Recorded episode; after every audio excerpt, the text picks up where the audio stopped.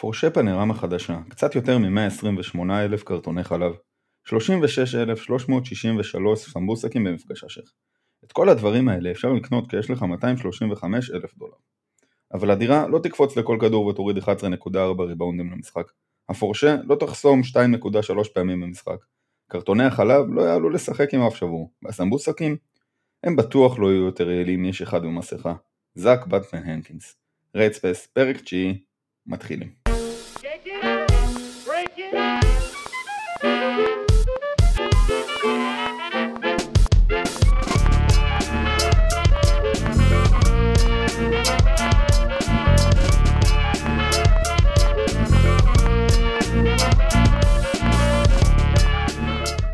ערב טוב, יום רביעי ל-12 2022, אנחנו אחרי שבוע מתיש במיוחד אה, ומוצלח במיוחד, ניצחון על מכבי, ניצחון ענק על מכבי ביום ראשון, ניצחון חשוב מאוד על בקנברס אה, ביום רביעי, ואתמול ניצחון קצת מוזר אפשר להגיד על קריית אתא, ערב, ערב טוב יונתן.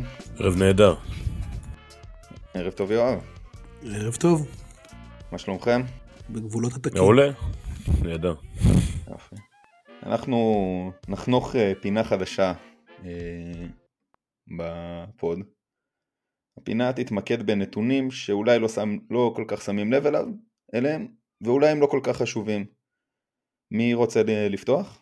אני, כי יש לי נתון מאוד לא חשוב. בגדול, ניסיתי לעשות טבלת טרו שוטינג של הפועל, כי קראתי על הנוסחה ועניינתי בזה, אבל זו יצאה טבלה מאוד מאוד משעממת. אבל על הדרך הסתכלתי את החלוקת אה, זריקות של שחקנים בין 2 ל-3. אז אפשר לגלות דברים לא מפתיעים, כמו שוונדל לא זורק מ-2, או גם רוקו לא זורק מ-2, וששגב וקורנילוס והנקינס לא זורקים מ-3. אבל מה שכן היה לי מעניין זה ההבדל... וטוב שכך, כן. אה, זה הבדל אצל ספידי סמית. באירופה שתי, שני שליש מהזריקות שלו הן משלוש. ובליגה בערך חצי מהזריקות שלו הן משלוש. וזה לדעתי מעיד גם קצת על הקושי ההתקפי שדיברנו עליו הרבה, אבל שהוא באירופה עדיין ניכר, שהוא לא מצליח אה, ליצור יתרון על השחקן שלו, ובעצם לא מגיע בכלל לזריקות שתיים. ואז הוא מגיע לזריקות אה, מכידור סוף שעון, משלוש, זריקות יותר קשות, ובינינו הוא קלעי סביר, אבל הוא לא אה, סטף קרי של הכדורסל האירופאי. וזה משהו ש... זה לא אשמתו, אבל זה משהו שמעיד על, ה, על השטף ההתקפי של הפועל, וגם מצד שני, באירופה יש אה, רק ארבעה משחקים, וחלקם הגדול היו בתקופות שגם בליגה היינו לו משהו בהתקפה, אז יכול להיות שהמספרים עדיין קצת משקרים. טוב, אני אמשיך. כולנו יודעים שהפועל משחקת בקצב איטי, זה לא משהו שהוא חדש, זה לא משהו שהוא ישתנה גם, ככל הנראה. במה זה מתבטא? זה מתבטא קודם כל ב-72.25 פוזיישנים למשחק, שזה המקום ה-19 ב-BCL. בנושא של, אה, של יעילות התקפית, אנחנו במקום אפילו הרבה יותר נמוך, במקום ה-27 במפעל, עם 98.04 נקודות פר 100 פוזיישנים. זה לא הרבה, ועדיין, אם נגיע לצד החיובי של העניין, הפועל מוסרת הרבה מאוד. הפועל מוסרת 21.5 אסיסטים קבוצתיים, אני מדבר רק על ה-BCL כרגע, כן? הפועל מוסרת 21.5 אסיסטים קבוצתיים למשחק, שזה מקום ראשון במפעל, וכשאנחנו מדברים על, על היחס החשוב מאוד של אסיסטים ועיבודים, אנחנו עומדים על 2.1, על יחס של 2.1, שזה מקום שני במפעל. מה שמביא אותי לעיבודים, אנחנו מאבדים 10.3 אה, כדורים למשחק, מבחינת היעילות זה מקום רביעי במפעל, כשרק 9.48% מהפוזיישנים של הפועל נגמרים בעיבוד, זה מעולה, זה מקום שני במפעל כרגע. אם נצלול עוד טיפה לתוך התחום של ה-Advanced Stats, אנחנו מדברים על, אה, קודם כל חשוב להדגיש ולהגיד שהמשחק האחרון נגד בקנברס עוד לא התעדכן בנתונים כשאנחנו מקליטים את הפרק, והנתונים מתייחסים לשלושת המשחקים הראשונים, כשבמשחק האחרון מסרנו 27 אסיסטים ואיבדנו 12 כדורים, ככה שאפשר עוד להסתכל ולשפר את הסטטיסטיקות האלו, אבל בגדול, 19.32% אמ, מהפוזיישנים של הקבוצה מסתיימים באסיסט, זה מקום שלישי במפעל, והנתון בעיניי מאוד מאוד מאוד מרשים, זה ש-72% מהנקודות של הקבוצה מגיעות מהסיסטים. זה מקום חמישי במפעל, וזה אומר הרבה מאוד, בטח כשאנחנו מדברים על קבוצה שמשחקת הרבה, לאט, במשחק עומד, שלפחות בעיניי מתבטא הרבה מאוד פעמים בבידודים, אה, משחק של בידודים, וזה לא מה שקורה בהפועל. וזה הנתון שלי. אני חושב שאני רוצה להצטרף לנושא של הקצב. אני חושב שאנחנו רואים את זה בצד ההגנתי בצורה מאוד מאוד מובהקת, שמצליחות להרים קצב נגד הפועל, אם זה לשבור את הלחץ הראשוני, כמו בקנברג בצורה די uh, סיסטמטית, או מכבי בדקות האחרונות, אז ההגנה של הפועל כבר נראית הרבה הרבה פחות טוב. וכשאנחנו מצליחים לשמור את הקצב האיטי, בעיקר בהשלכה על הקבוצה השנייה, כשמשחקים עומד מול עומד, אז זה עולם שהרבה הרבה יותר נוח לשחקנים של הפועל להיות בו, גם, בצד, גם בהתקפה וגם בהגנה, במידה רבה. כן, אני באמת שמתי לב לזה שנגד קריית אתא, שהיא לא, לא, קבוצה, לא קבוצה שאמורה לסבך אותנו, אה, הפועל ניסתה לעשות כמה פעמים אה, הגנה אזורית אה, הכי פשוטה של ה-2-1-2, וזה פשוט לא עבד. אז יכול להיות שיש באמת, צריכים עוד טיפה לעבוד על זה. הנתון שלי הוא נתון אה, עוד יותר שולי ולא חשוב, אבל סתם הגניב אותי אז אני אומר אותו. אה, מדברים הרבה על מדד הפלוס מינוס, מדברים הרבה לגנות מדד הפלוס מינוס. אני כן מתחבר באופן יחסי למדד הזה בעיקר במובן של לא במשחק אחד אלא מספר משחקים. והלכתי לבדוק מי המובילים בליגה בפלוס מינוס. מתוך עשרת השחקנים שמובילים את הליגה במדד הפלוס מינוס, בכל המשחקים שהיו עד עכשיו, חמישה שחקנים זה שחקני הפועל ירושלים, ארבעה שחקנים הפועל תל אביב, שחקן אחד מכבי. מה זה אומר בגדול? לא הרבה. הלכתי לבדוק כמה, כמה זמן הפועל ירושלים מובילה על היריבות שלה בניצחונות ובהפסדים. וגיליתי שלמעט משחק אחד, אולי שתיים, לא הספקתי לבדוק את כל המשחקים, למעט משחק אחד נגד ארושה פקה שניצחנו, הפועל ירושלים הובילה על כל היריבות שלה במשך, במשך כל המשחק, או רוב, המשחק, רוב מוחלט של המשחק. מה זה אומר? לא יודע, סתם היה נתון מעניין. מפה אני רוצה שנמשיך באמת, אה, נלך אה, טיפה כרונולוגית, תחילת שבוע. אה, משחק נגד מכבי תל אביב, משחק נהדר, נגמר 80-75, מה, מה, אתם, מה, מה אתם ראיתם במשחק הזה מהמשך השבוע? ו... כן, יונתן. קודם כל, חייבים לקחת מהמשחק הזה את האווירה, את הכיף, את הרוח. זה היה הדבר הראשון ש... שהגענו איתו למשחק, שיצאנו ממנו מהמשחק, והוא מסמל את כל המשחק הזה בעיניי. מעבר לזה, אפשר לדבר הרבה מאוד מקצועית. אני חושב שניצלנו בצורה מאוד מאוד טובה את היתרונות שלנו ואת החסרונות של uh, מכבי תל אביב בסגל הנוכחי וביחס לרישום לשחקנים שהם רשמו למשחק הזה. והכי חשוב, דיברנו על זה גם בפרק הקודם, ג'יקיץ' מול קטש. זה כאן היתרון הגדול שלנו בעיניי, וכאן גם ניצחנו, כי ג'יקיץ' אתגר את קטש ומיהר להגיב כשקטש אה, מאט להגיב, אם נשתמש באותו ביטוי, ואני לא זוכר בדיוק כמה טיימאוטים קטש לקח, אבל כשהוא לקח אחד ברבע הרביעי זה, זה הרגיש כמו הראשון או השני שלו במשחק. זה מאוד משמעותי, ואני חושב שזה מתבטא בצורה הכי טובה בחילוף של נועם דברת וספידי סמית, כשספידי קצת התחיל לאבד את הראש שם באמצע הרבע הרביעי. זה ניצח לנו את המשחק, וזה על ג'יקיץ', וזו הנקודה החשובה בעיניי מהמשחק הזה.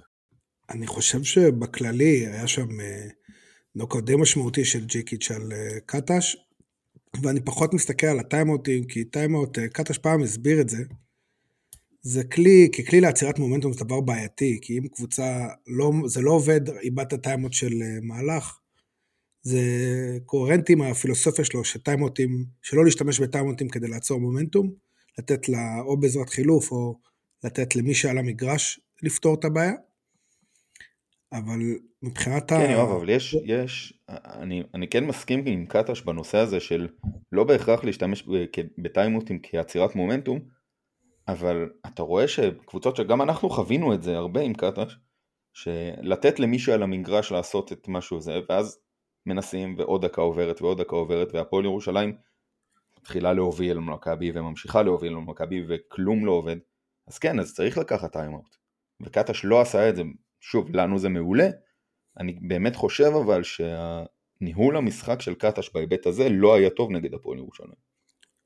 אני יכול להיות שאני מסכים, אני חושב שקטש אה, הפסיד לג'יקיץ' במשחק הזה, בזה שהפועל ירושלים, הפועל צריכה לקבוע את הקצב וללכת לפואנטות שלה, ובהרכב שהוא עלה, באופן כללי, מכבי בנו קבוצה שהיא מאוד מאוד בעייתית לפואנטות אוהב. אה, הפועל בקלות רבה הצליחה להוציא אותו מהם. להוציא אותם מהם, כאילו הם לא, אין שם כמעט, חוץ מסורקין אף אחד שיודע לעשות שורט רול. הפועל לא מחליפה, הם לא הצליחו לייצר יתרונות באחד על אחד. אה, יתרון, כישרון הצלחנו לעצור על ידי הקצב ריצה. ובאמת, כאילו, היה שם אה, גם בניהול משחק, גם בהכנה למשחק, גם בהגנות, והתאמה של הגנות. אגב, דיברנו על זה לפני כמה פרקים, אה, לא פרקים, סליחה, דיברנו על זה בקבוצה, שעם הניסיונות של הפועל בטיפול ב pick and roll, הם עניין של ניסוי או התאמה, ובשלושה משחקים שראינו השבוע, ראינו שכל משחק לכל שחקן היה התאמת אה, טיפול pick and roll. ונגד קריית אתא פחות, כי שכחתי את שמו, החליט לקלוע אחרי שהוא כל העונה בשלוש מ-20, שבון לואיס. אבל ממש, כן. כאילו... שחקן נהדר. כן. זה לא ממש טיפול... טוב, נדבר על זה בהמשך. אבל ממש טיפולים שונים לכל אה, שחקן. יש מי שבגדול hedge זה הטיפול הבסיסי, אבל יש שחקנים שאתה עושה איתם drop, ויש שחקנים שבכלל עוברים אנדר. ממש לכל, אה, לכל שחקן, טיפול שמותאם לו, וזה רמה טקטית מאוד גבוהה של הכנה למשחק. אני רוצה לגשת לפני המשחק. אה, אני נוסע בדרך מאלון שבות לגוש, מירושלים לגוש עציון, מקבל את הפוש באמצע הנסיעה בפקקים שם, מקבל את הפוש, אה, מרקס מייריס לא נרשם למשחק, סימסנדר ונה יעלה לשחק. אה, התגובות המיידיות בטוויטר ובקבוצות וואטסאפ ובכל מקום וגם התגובה האישית שלי היו של מה לעזאזל אלכסנדר ג'יקיץ' עושה. ולקח לי כמה דקות ואני חושב שמצאתי לזה שתי תשובות, אני ניסיתי להסביר ב... ניסיתי להסביר שג'יקיץ' אולי מנסה אה, לרווח את המשחק ושלמכבי אין מי שישמור על סימסנדר ונה מבחוץ שייקח את השלשות וראינו שהדברים האלה באמת קרו אבל הנקודה היותר משמעותית שלי זה נקודה שעודד אלפרין אמר מתישהו ב Speak and Roll אחרי המשחק, אחרי ההפסד שלנו נגד חולון. אלכסנדר ג'יקיץ' לא מנהל רוטציה במשחק. זה קצת פחות מעניין אותו. אלכסנדר ג'יקיץ' מנהל רוטציה לעונה. ואם מרקס, עכשיו מרקס מריס נתן כמה משחקים נהדרים והוא בטוח בקבוצה וכיף לו בקבוצה. סימסנדר ונה לא שיחק חודש גם כשהוא שיחק בנבחרת אה, אסטוניה הוא לא היה מספיק טוב. עכשיו ג'יקיץ' יודע שביום רביעי יש לו משחק חשוב נגד אה, בקן אז הוא בא, מכניס את סימסנדר ונה ואומר אוקיי ניתן לו כמה דקות נכניס אותו לעניינים ובוא נראה מה יהיה הלאה.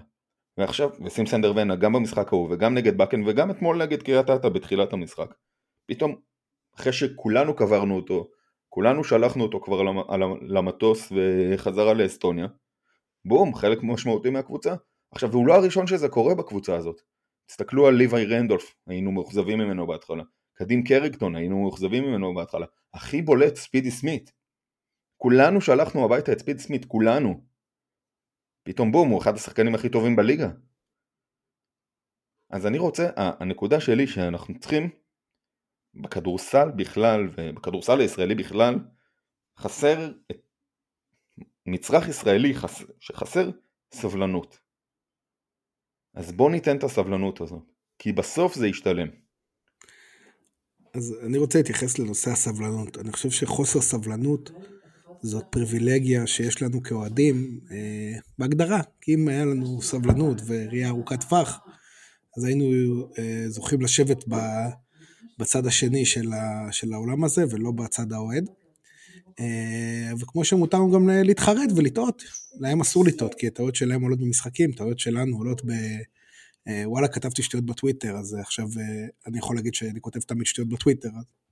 דוגמה קטנה לכמה סבלנות וניואנסים קטנים של חיבור בין שחקנים הם משמעותיים. בגדול הנקינס הוא לא שחקן שוט רול מאוד מאוד טוב, כי הוא לא פסר ואין לו כדרור, אבל אם נותנים לו את המסירה כשהיא מוליכה אותו קדימה, הוא מספיק אתלט כדי לתפוס את הכדור חצי צעד מהשוט רול ועם התנופה להטביע, כמו שראינו נגד בקנברס. וזה משהו שבראון, שהתחיל לשחק איתו ביום שבת פחות או יותר, ראו שהוא עוד לא מכיר, הוא נתן לו מסירה כמו שמוסרים לשוט רול רגיל, שעוצרת אותו בין, באזור ההיי פוסט, מיד פוסט כזה, ושם הרבה יותר קשה לו כבר לעבוד. וזה דברים שזה כימיה שלוקח זמן לבנות, וזה בדיוק הסבלנות הזאת שדיברו איתנו. באמת יום רביעי מנצחים את בקן ברס, ובעקבות הפתעה די גדולה שלודוויסבורג מפסידה לדרושה פקה בעצם אה, כל מה שהפועל צריכה לעשות, זה, זה לא כזה פשוט, כל מה שהפועל צריכה לעשות אה, בשביל לסיים במקום הראשון, זה לנצח את לודווינסבורג ביותר מתשע נקודות. ברגע שעשינו את זה, הסיכוי שניפול למקום אה, שני או שלישי הוא מאוד מאוד קטן, וזה משמעותי בהתחשב ב- ביריבות שיש לנו בשלב הבא. הייתי רוצה לשמוע מכם קצת אה, איך היה לכם המשחק נגד בקן, כי הוא היה שונה מאוד ממה, שחש... ממה שחווינו בנוקיה. אה, אני מאוד נהניתי קודם כל מלראות את האופציה של אה, הפועל משחקת מהר וכדורסל קצת יותר מהנה, אבל היה לזה מחיר הגנתי מאוד לא פשוט, והפועל שיחקה משחק גנה מזעזע בסך הכל, אה, וקצת היה מתסכל לי, אבל כדי להישאר אופטימי, מאוד מאוד אהבתי שם את המהלך שקדם לרוורסליופ של הנקינס. כי... איזה, איזה דנק מדהים. איזה דנק, כן. בכללי השבוע הוא נתן לנו כמה תעופות שאנשי ההחזקה בארנה תופסים את הראש ומזמינים כבר טבעות חדשות. כמו עם הבן של, של האדמירל בלאומית ששבר להם טבעת. מה שהיה במהלך הראשון במשחק, הייתה חסימת pin down של, של מרקס מיירס להנקינס שקיבל את הכדור בבלוק השמאלי איפה שנוח לו. ויש בפוטבול קונספט שנקרא setup, זה שאתה עושה מהלכים מסוימים כדי לבנות אה, שינוי במהלך אחרי, אתה רץ דרך האמצע כדי לעשות הטיית ריצה ולמסור כדור לעומק. וספידי סמית ברבע השלישי לקח את הקונספט הזה ואימץ אותו, כי הוא הריץ את אותו תרגיל שהפועל הריצה כמה פעמים להנקינס לבלוק, ושבקן כבר עשתה לו התאמות, אבל הוא, ביק... הוא דיבר שם עם הנקינס ומיירס ובעצם הזיז אותם שני צעדים החוצה, במקום שהחסימה תרוץ על האותיות, היא רצה אה, ברווח הזה שבין השלשה ל low post, וזה שינה את הזמן תגובה שלהם, את המקום של העזרה, העזרה חיכתה להנקינס ב... ב low post השני, איפה שהוא אמור לקבל את הכדור לפי התרגיל המקורי, השאיר את הרווח הזה בין אה, חסימה לסל, הכריח אותם להגיב, ובזמן הזה ספידי סמית ציפה לדבר הזה. עכשיו, זה לא תרגיל שבא מהספסל. בזמן זריקות עונשין של בקנברס, ספידי סמית לקח אליו את, אה, את אה, מיירס והנקיס והסביר להם מה הוא משנה בתרגיל. אחר כך הוא קיבל איזה מחיאות כפיים מג'קיץ', ובא, וכולנו נהנינו מדנק של, דנק של החיים. אפרופו הזכרת את ספידי סמית שמכוון וזה, שימו לב, צריכים, צריכים להסתכל על זה במשחקים, איפה ספידי סמית יושב? ספידי סמית תמיד יושב בין העוזרי מאמן, הוא לא יושב באזור של השחקנים, תמיד יושב בין העוזרי מאמן, אני לא יודע אם זה בקשה שלו סתם איזשהו רוטינה וזה, אבל זה, זה משהו שמעניין אה, להסתכל עליו. זה אפילו מעבר לזה, אני, אנחנו עדיין מחכים לתשובה מעומר אם יש, אה, אם זה משהו מוסכם מראש, אבל זה מעבר לזה.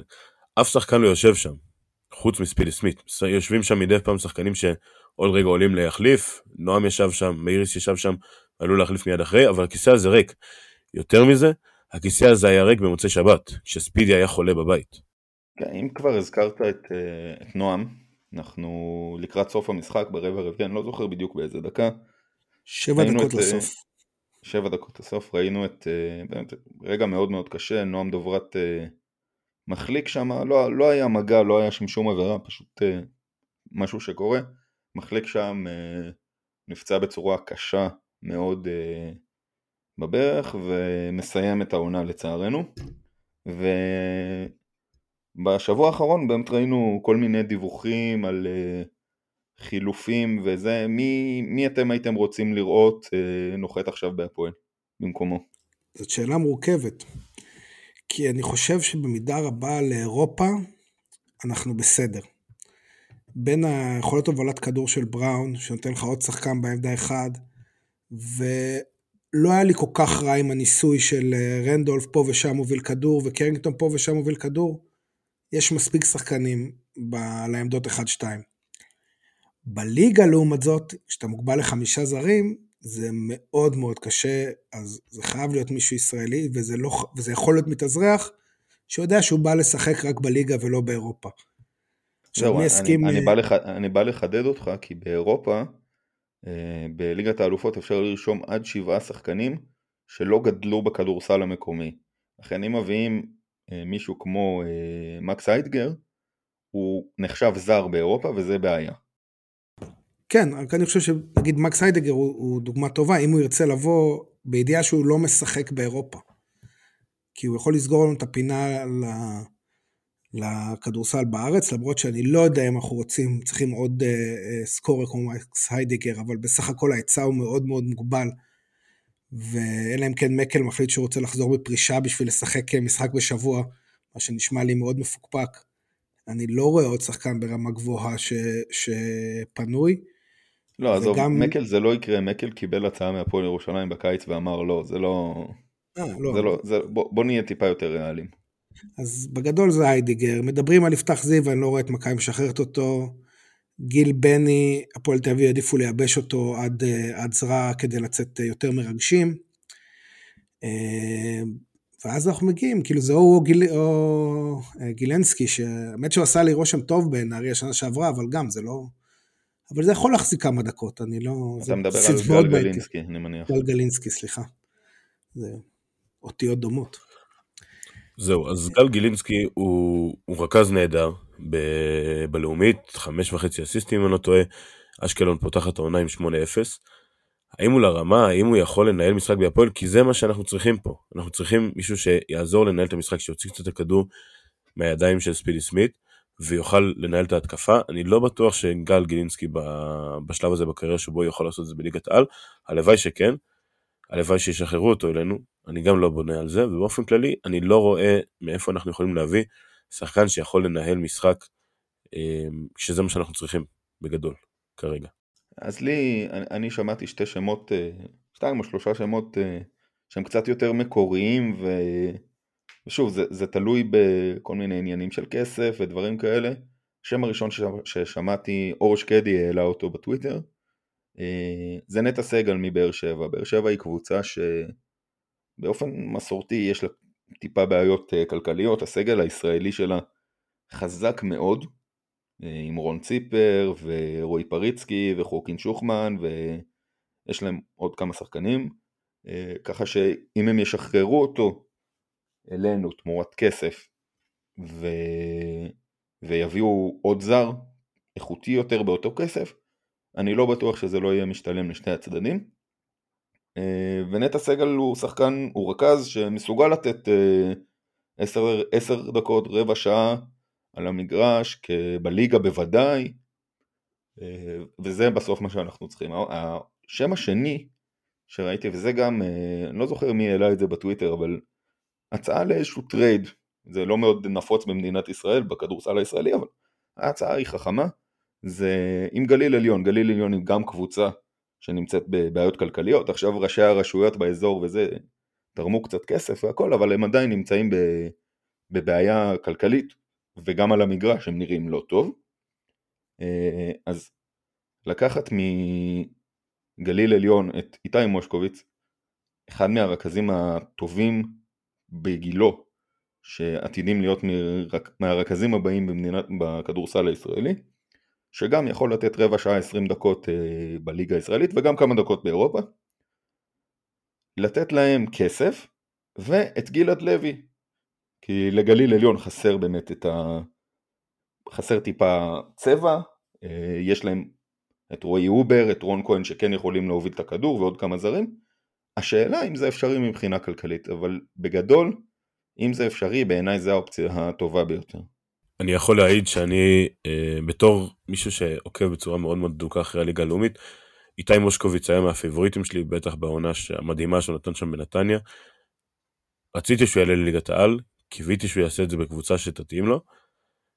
אני לא חושב שהוא יכול היה לקבל סיטואציה טובה יותר ממה שהוא קיבל בגליל, והוא לא ברמה כרגע, לפחות לא ברמה של ניהול המשחק. הוא כן קולע, לא באחוזים משהו, אבל קולע, אבל ברמה של ניהול המשחק הוא לא שם. הוא גם לא היה שם בלאומית, אה, כשאנחנו מודדים את המספרים ביחס למספרים שאנחנו רוצים לראות בליגת העל, הוא רחוק משם ואנחנו צריכים משהו שהוא נכון להיום. מבחינה כלכלית אני לא יודע להגיד, אבל אני לא בטוח שזה המענה. אני דווקא רוצה להתייחס לאופציית נטע סגל, ואני חושב שזה מהלך שיש בו אפסייד גדול לשני הצדדים, ואם נסתכל אה, למטה לכיוון חולון, זה סיפור דומה למה שהיה עם ניב משגב. בסך הכל הוא הגיע לשם אה, מנהריה על תקן פילר, שלא, נהריה הוא כבר עשה את הפריצה שלו, אבל הוא לא, לא נראה כמי ששייך לרמות הגבוהות של הכדורסל. והוכיח שהוא בהחלט יכול להחזיק עמדה, אני לא זוכר אה, פציעה של מי, הוא שם הכניס אותו עמוק לרוטציה. אבל אה, והיום הוא שחקן מוביל שם ושחקן סגל, סגל נבחרת.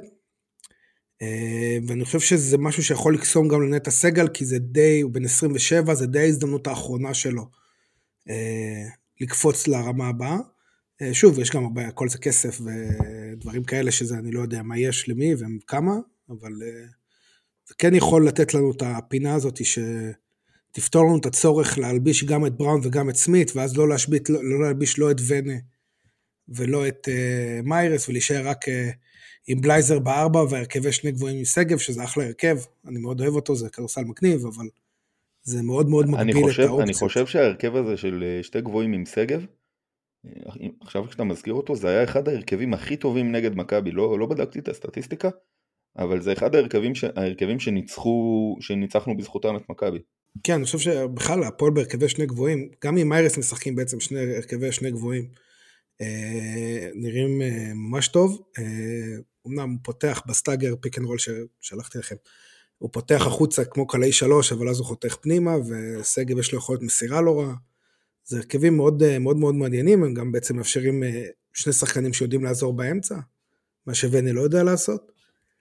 אה, אבל זה מאוד מאוד מגביל אם אנחנו נשאר רק עם האופציה הזאת. כאילו, זה, זה מאוד אה, מגביל את הכדורסל שלנו. אני רוצה גם עוד אה, הערה קטנה לפני שאנחנו עוברים לנתח את המשחק נגד קריית אתא. אם יש שחקן ישראלי בעמדות 2, 3, 4 או 5 פנוי טוב בשוק, יכול להיות שזה מה שהייתי הולך אליו. הייתי הולך על זה, של השחקן הטוב ביותר שקיים בשוק, ונותן לג'יקיץ' את הפתרונות אה, של איך להסתדר או אולי להפוך את רנדולף או קרינגטון לרכזים. יכול להיות שהייתי הולך על האופציה הזאת. אה, עכשיו בואו נעבור, באמת ראינו במוצאי שבת, משחק נגד קריית אתא. אני לא זוכר באיזה תוצאה ניצחנו, זה היה, אה, ניצחנו 79-70. 77-70. 77-70? אחד המשחקים כן. הכי, הכי מוזרים שאני ראיתי בארנה, גם מבחינת האווירה מסביב וגם מבחינת המשחק עצמו, מה, מה היה שם? אה, אני חושב שהפתיחה של הרבע השלישי, שהפועל לא קלעה נקודה, מבחינת ביצוע הייתה מעולה. אבל אה, שרון אברהם שלף דף מהספר של, אה, של גודס ושיחק בונקר. וואי, אתה היית צריך זה... להקדים את זה עם דלאפ, זה היה הרבע הכי גרוע שראיתי כדורסל בשנה האחרונה וראיתי כמה משחקי קאצל. אני, אני מבטיח לך שהקצ"ל ברמה יותר גבוהה מהליגה למקומות עבודה, דרג אה, ב' או ג' מחוז ירושלים. אה, אבל הביצוע בהתחלה, לפני שהפועל נכנסו לסטרס, מההחטאות של השלשות הפנויות, היה מעולה. פשוט אברהמי אמר, אני מהמר על שלשות פנויות ושהן לא ייכנסו, ואו שזה ייגמר 30 או שאני חוזר למשחק. וקרה, כמו שקרה נגד אה, לודוויסבורג, וכמו שקראנו לא מעט פעמים מהעונה, שלשות לא נכנסו, ויש לנו שחקנים שהם לא חסרי מצפון, וכשלא נכנס להם זה, זה עולה להם לראש. ואז התחיל ההיסוס, ואז גם הכדורסל נתקע, וראינו את מה שראינו. ואז גם העונשי לא נכנס, ובכלל היה סיסו ושמחו. אבל באמת, כמה התקפות ראשונות, אם הכדור רק היה נכנס, זה היה התקפות נהדרות. מעניין, אני לא, אני מודה שפשוט לא, לא, לא שמתי לב לזה, כי כאילו זה היה נראה כאילו אנחנו חוזרים לאותם משחקים נגד הרצליה ונגד לודוויסבורג, שפשוט היו לא טובים. אני, אני מודה, אני קצת לא ברור לי איך ניצחנו את קריית אתא רק, רק בשבע נקודות. עכשיו, מה שאני, מה, משהו שאני כן שמתי לב אליו ואני כן רוצה לקחת אותו, לחיוב, זה ברנדון בראון, לא בהיבט של אה, כמה, כמה נקודות הוא עשה או כמה אסיסטים הוא מסר, כי בסוף הבן אדם אה, הגיע קצת חולה לארץ, לא התאמן הרבה עם הקבוצה ונזרק למים. אה, וברבע הרביעי, כשהיה צריך, הוא לקח על עצמו. עכשיו אני, אני מחזיר טיפה לפרק הקודם, זה מה שאני הייתי רוצה מהשחקן הזה. מישהו שכשהכל תקוע, כשכלום לא הולך, יגיד זה שלי, אני לוקח את זה. וזה משהו שכן ראינו מברנדון בראון אה, ברבע הרביעי. וזה משהו שאני אישית אה, אהבתי לראות. ההתרשמות שלי מברנדון בראון במשחק הזה דווקא הייתה לא טובה. אולי זה קשור גם לאיך שהסתכלתי עליו כשהוא הגיע, אני לא יודע, אני לא רוצה לומר אה, כן או לא, אבל נותנים, כמובן שאנחנו נותנים לו את, ה, את העניין הזה של זמן, של כושר, של תיאום, אבל התיאום הוא היה הכי בעייתי גם. ואני מאמין שזה ישתפר, זה צריך להשתפר, כי אם זה לא ישתפר זה יהיה רע מאוד. הבעיה בתיאום של ההגנה, כמו שדיברנו בעבר כבר, בטיפול ב pick and roll, שהביא לגארט לדעתי שלוש או ארבע שלושות פנויות כמעט ברצף, היה זוועתי, היה נוראי, ואסור שהוא יחזור. אסור שהוא יחזור.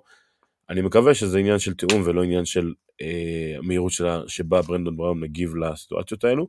זהו, לטיפולו של ג'יקיץ' בנושא הזה. שיקח אותו לשיחה אישית כמו שהוא לקח את אה, אור קורנליוס אחרי השלשה הנהדרת הזאת. רגע איקוני. אה, אני רוצה להתייחס לפן ההתקפי, אני מאמין שהשלשות שלי ייכנסו, הזריקה שלה יפה והוא מאוד חי מהשלשה. ראו את זה בסל שהוא לקח שם, אה, אני לא זוכר מי היה בחילוף, באחד על אחד, המהלך שלו זה, הוא עושה הזי, ושבא מתוך חצי הטיית קליעה, ושחקן שלא מפחדים לו מהקליעה, אז לא, הגבוה לא מגיב. רגע, תסביר רגע מה זה הזי, כי אפילו אני לא בטוח שאני סגור על זה. הזי זה קיצור להזיטיישן.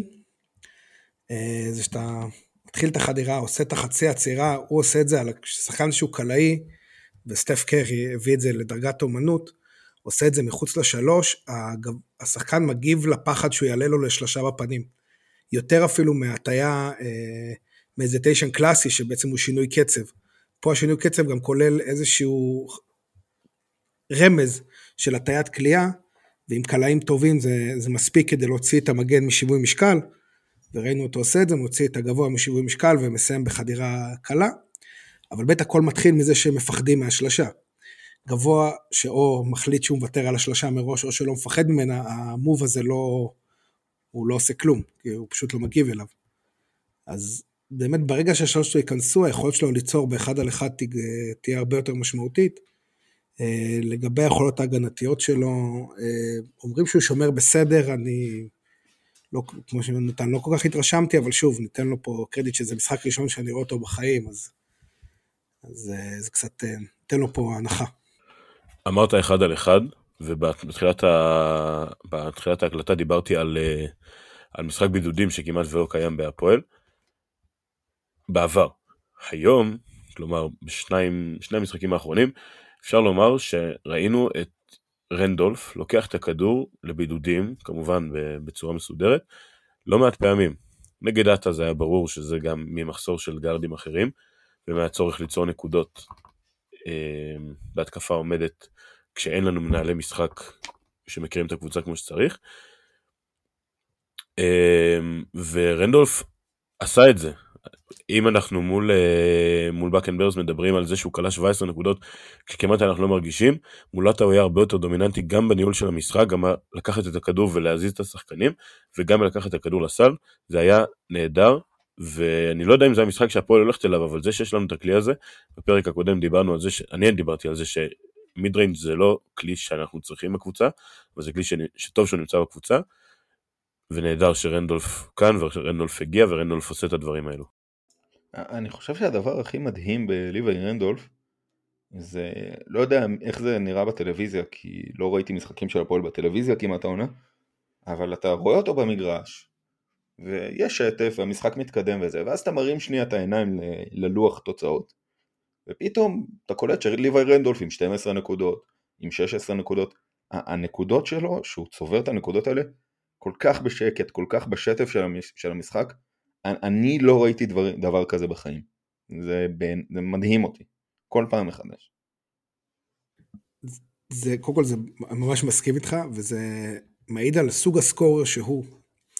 הוא לא סקור אקספלוסיבי שייתן לך 12 נקודות, שיקלע 4 שלשות ברצף, אבל הבן אדם שם את הנקודות שלו day in ו-day out, ברגע שהוא הפסיק להחטיא את הזריקות שהוא מכיר, שהיה לו את זה במשחקים הראשונים, וקצת הכיר את הקבוצה. אם מסתכלים על המספרים שלו באירופה ובארץ, אתה רואה שחקנים מקבלים תמיד מספרים, שונים, אה, מספרים שונים, כי ההגנות שונות, דיברתי על זה עם ספידי סמית, הוא המספרים שלו across the board, האחוזי טרו שוטינג, האחוזים הרגילים, החלוקת זריקות, הכל אותו דבר, זה לא משנה לו אם הוא משחק בליגה הלאומית, ב-BCL או בליגת העל או נגד מכבי, אתה תקבל ממנו את אותו דבר, ואני חושב שזה מאוד מאוד משמעותי לייצר כזה עוגן, ועכשיו אני גם מבין את סוג העוגן שהוא אמור להיות. הוא לא אמור להיות הסקורר שאתה נותן לו את הכדור ויהיה בסדר, אלא הסקורר שאתה אומר, טוב פה רשמתי לי פה את ה-14-15 נקודות האלה, אני יודע שיש לי אותם, יהיה בסדר. נכון מאוד. ואני רוצה להוסיף גם פן אחר שראיתי הרבה מאוד ביקורות עליו שלא הבנתי בשום שלב.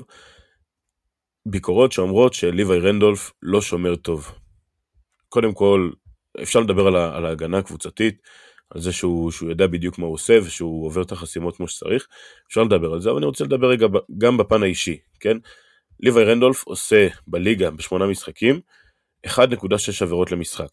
באירופה הוא עושה 2.5 עבירות למשחק. הפערים ברורים הסיבה להם, אבל זה לא הרבה.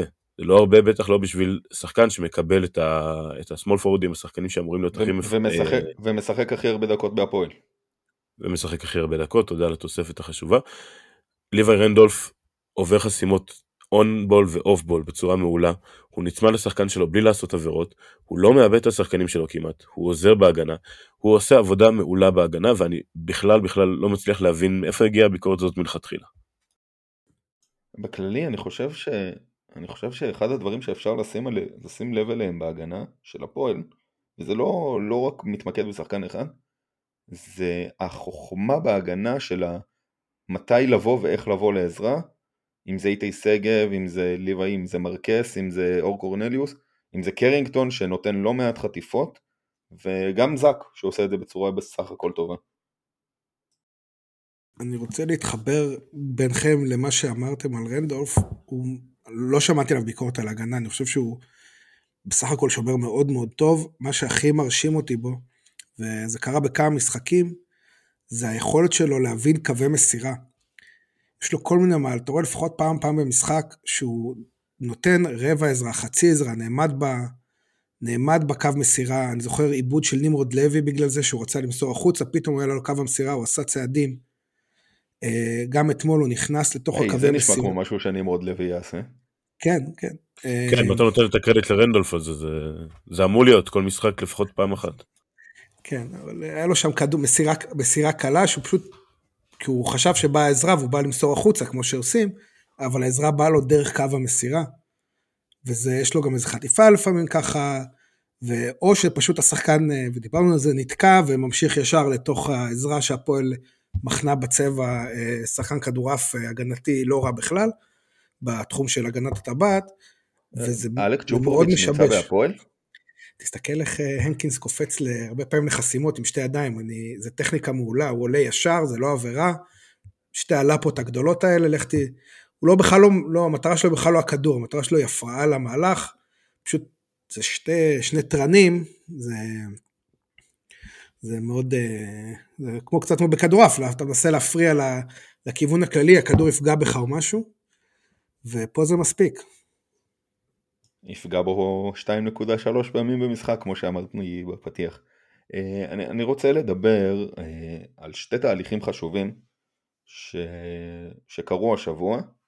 אה, בתחילת המשחק נגד קריית אתא ראינו את דורון שפע מקבל כבוד מהקהל, זה יקרה עכשיו בכמעט כל המשחקים. והדבר השני זה שהפועל ירושלים בכדורסל והפועל ירושלים בכדורגל הכריזו על שיתוף פעולה. ואני חושב באופן אישי שזה זה לא סוד, נגיד את זה כאן, זה לא סוד שאני מחובר ליובל לויסמן ומחובר לרועי כהן ויש לי קשר טוב איתם. אחרי שאמרתי את כל זה ואת הגילוי הנאות הזה פרגון עצום עצום עצום גם ליובל לויסמן, גם לרועי כהן שעושים תהליכים שבעיניי היו צריכים לקרות כבר מזמן בין אם זה באיחוד עם הכד... בשיתוף פעולה עם הכדורגל והנתינת כבוד ל... לשחקני עבר של המועדון צעדים שבעיניי הם באמת באמת באמת חשובים אה, בטירוף.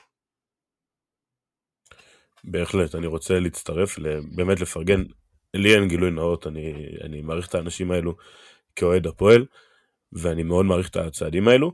אני חושב שאפשר לחבר את הנושא הזה גם לנושא של הסבלנות איכשהו, כי הפועל היא הפועל חדשה מהקיץ הזה. לא משנה איך נסתכל על זה, הפועל היא הפועל חדשה. חומסקי לקח את הבעלות ושינה כאן דברים, ואנחנו רואים, ראינו את השינויים האלה מההתחלה. ושינויים כאלה פשוט לא קורים תוך ש... כמה שבועות, זה עניין של תהליכים, צריך לבנות את הדבר הזה. ואנחנו מתחילים לראות את התוצאות, ואני בטוח שגם נראה את התוצאות בטווח הרבה הרבה הרבה יותר רחוק. כל הכבוד על התהליכים האלו, צריך לעשות אותם בצורה נכונה. אה, יש לנו את הסיפור המורכב והלא פשוט, לא משנה איך נסתכל עליו, של אה, הזיקיות, כמו שאוהבים לקרוא להם, או אוהדי בית"ר שאוהדים הפועל בכדורסל. וזה לא אמור לסתור את המהלך של הפועל, זה אמור לנסות, להב... אנחנו אמורים לנסות להבין איך אנחנו הולכים בדרך המורכבת הזאת באמצע. לא אה, גורמים לאוהדים של הפועל, שהם אוהדים של הפועל, לא משנה איך נסתכל על זה, להיות חלק חיצוני למועדון הזה, ולא איך אנחנו נפרדים מהכדורגל בגלל שיש כאן את הנושא המורכב הזה, איך הולכים באמצע, ואני מאמין שהפועל עושה את זה בצורה טובה. בינתיים, אנחנו צריכים לראות איך זה מתפתח. וכמובן שהחיבור לעבר, אה, שכל כך רצינו לראות אותו, קורה סוף סוף, ו... ורק שימשיך.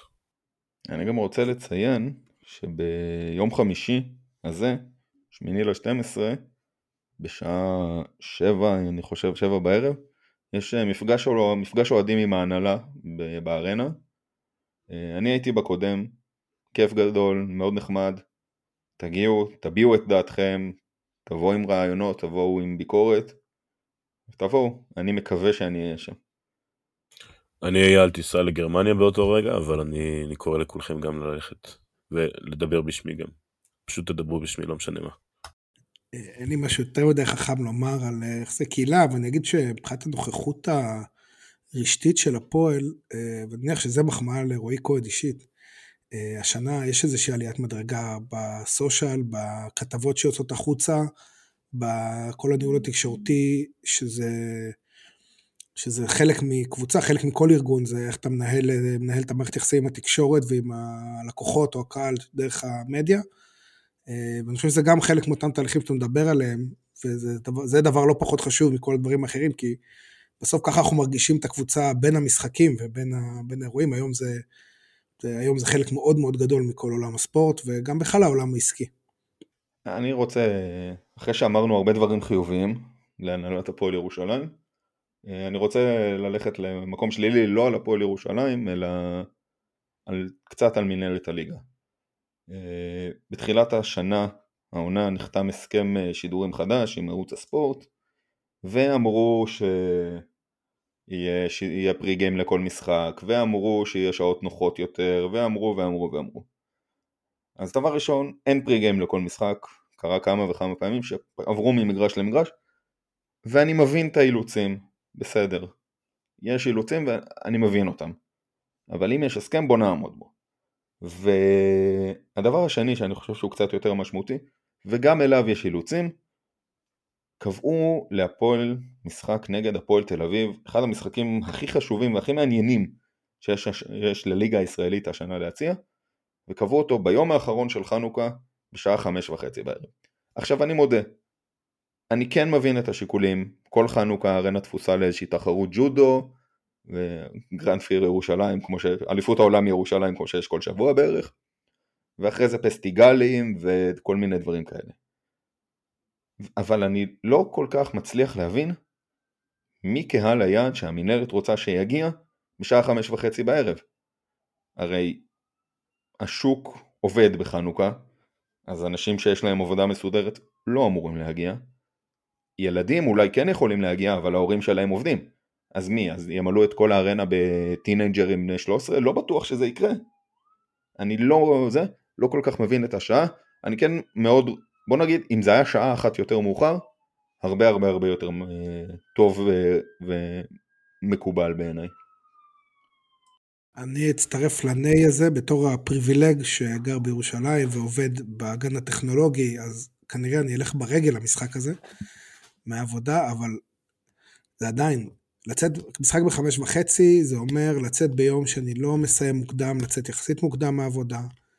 זה גם אומר להורים צעירים, זה אומר לא להיות במקלחות, אה, השכבות לשינה וכל הסיפור הזה. וזה סיפור מורכב, זה לא... לראיה מבטי שטנה שאני מקבל פה בצד שני של הסלון, אה, רק על זה שאני אומר את הדברים האלה. וזה חלק גדול מהקהל, ועוד לא אמרתי אנשים שגרים מחוץ לעיר וכל הדבר הזה, זה באמת שעה שהיא הזויה, וגם ילדים קטנים, זה כאילו... גם קהל חוץ, גם קהל חוץ, הפועל תל אביב יביאו אלף אוהדים למשחק הזה. צריכים לצאת מתל לצאת... אביב בשלוש בצהריים. בשלוש. וכאילו באמת זה מרגיש... אה, הטענה שזה חופש חנוכה היא לא רלוונטית בעיניי, כי כולם עובדים בחנוכה. אין, אה, כאילו, מה, מה, מה זה, אפילו, אפילו ילדים שמשחקים במחלקות נוער, יש קייטנת כדורסל, במקרה קיבלתי פוש של פרסום הזה, למרות שאין לי ילדים בגיל הרלוונטי. זה כולל את היום הזה, והם מסיים, אמורים לסיים בארבע. אז כאילו, מה, לרוץ מה, מהאולם לאולם? כאילו, מי, מי אמור לבוא למשחק הזה? אף אחד, השדרים של ערוץ הספורט, מה המטרה? אני, אני כן רוצה קצת לרכך את, ה, את הביקורת, כי אני מסכים שחמש וחצי מול שש וחצי, ההיגיון קצת לא ברור. כלומר, ההפרש של שעה הזאת יכול להיות מאוד משמעותי. אני כן רוצה להגיד שמשחק באחרי צהריים יחסית מוקדם, הוא לא נורא. אה, אנחנו לא הקהל היחיד שצריך להגיע למשחקים. אני, אני יכול להסתכל על זה בפן האישי שלי, אני, אני מסתכל על אח שלי הקטן, אה, בן 11, מאוד מאוד אוהב כדורסל, מאוד מאוד אוהב את הפועל, הוא עוד לא היה במשחק העונה. והוא מת לבוא למשחק העונה. לא יצא, לא הסתדר. זו ההזדמנות הראשונה שבה אני יכול, אני ספציפית לא אהיה מסיבות אחרות, אבל אני יכול להביא אותו למשחק כדורסל של הפועל, שהוא באמת מחכה לזה מהמשחק האחרון נגד חולון עונה שעברה והאכזבה שבסוף. זה, זה מה שהוא מחכה לו, ו, ו, והשעה הזאת היא ברכה בשבילי, בשביל שאני אוכל להביא את זה, ואני בטוח שגם החברים שלו וגם אנשים אחרים, אפשר לבנות לו"ז סביב הדבר הזה, זה לא כל כך מופרך. אני עובד, אוקיי, עובד שעות מלאות, ואני בחמש וחצי יכול להגיע ולהביא גם אה, מישהו מתקוע, אני גר בתקוע. זה לא כזה מופרך, אני מסכים ששעה אחור, שעה קדימה יכול מאוד מאוד לעזור, אבל לא חושב שצריך להגזים בביקורת הזו. בסוף, ה, כמו שאמרתם, הסיבה מובנת, הקהל יעד מובן, ואנחנו רוצים להגיע אליו. אולי קצת חוסר נוחות עבורנו, אבל uh, הסיבה מוצדקת בעיניי. טוב, בואו, אני רוצה, אחרי שאמרנו את כל זה וזה, יש להפועל ירושלים שתי משחקים בשבועיים הקרובים, שתי משחקים חשובים. אה, רגע, אין לנו משחק באירופה בשבועיים הקרובים, נכון? אני לא טועה. לא, יש על החצי גמר מונדיאל זה הבא. ב-20. חצי גמר מונדיאל. ב-20. זה לא בשבוע הבא. בקיצור, יום שישי הקרוב, אה, התשיעי ל-12, שעה אחת וחצי בנס ציונה. אה, משחק קשה, משחק קשה, נס ציונה קבוצה מעולה. מה לדעתכם אה, המפתחות למשחק הזה? קודם כל די.ג'יי קופר, להצליח להאט שם את הריצה ושהוא יותר יאבד בכדורים שהוא מכריח לאסיסטים מאשר להרים שם את, ברח לי את מה שמו לשחקים. אה, טיילר ביי ושק ביוקנן. טיילר ביי, כן. אה, ושק ביוקנן, שפשוט אה, להוריד את הקצב. מה שהפועל, זה יחזור כמנטרה, הפועל מחפשת בטח מול קבוצות כאלה, קבוצות של lob city, להוריד את הקצב, להפוך את זה למשחק חפירות, לראות הגב לסל של הנקינס, לראות הגב לסל של רנדולף, להכריח אותם לשחק משחק של... שהוא יותר מסודר, יותר מאורגן, יותר אירופאי, ואני יכול להגיד, מההיסטוריה של קבוצות ישראליות מאוד מאוד מוכשרות, שנתקלות בסגנון כדורסל הזה, ואנחנו חווינו את זה הרבה פעמים בצד, ה, בצד המוכשר, זה מאוד מאוד קשה לשחק נגד הכדורסל המרכז אירופאי הזה, שהוא כולל אלמנטים אחרים שלפעמים לכדורסל הישראלי קשה איתם. אז אנחנו פה נהיה אולי בצד הנהנה של זה. אה, אבל זה קודם כל תלוי בהפועל, הפועל הקבוצה יותר טובה, כל הכישרון והכיף שיש בנס ציונה והמשחקים שלהם, זה חוויה ומומלץ לכל אוהד כדורסל סתם ליפול על משחקים שלהם כי זה כיף. אגב, בדקתי עכשיו ביומן, המשחק הבא באירופה הוא ב-13 נגד לודוויסבורג, בלודוויסבורג. אה, לגבי נס ציונה, זו קבוצה שאני מזמן לא נהניתי לראות קבוצת כדורסל כמו שאני נהנה. די.ג'יי קופר הוא אגדה מהלכת אה, ויהיה מאוד מאוד מאוד קשה איתו. אני חושב שבאמת המפתח העיקרי לניצחון שם זה חוץ מלהאט את המשחק זה ללכת לצבע כי הגבוהים שלהם לא, לא, לא מאוד מרשימים בהיבט הפיזי זאת אומרת אם אתה נותן למרקס או לזאק או אפילו לאיתי שגב את הכדור עם גב לסל זה יכול אה, לפתור לנו המון המון בעיה. אני חייב לעצור אותך כאן, אני מאוד אוהב את איתי שגב, אסור לקבל כדור עם הגב לסל, זה, זה לא ב skillset שלו ואני מת על איתי שגב, לא, לא, הוא נותן דברים אחרים.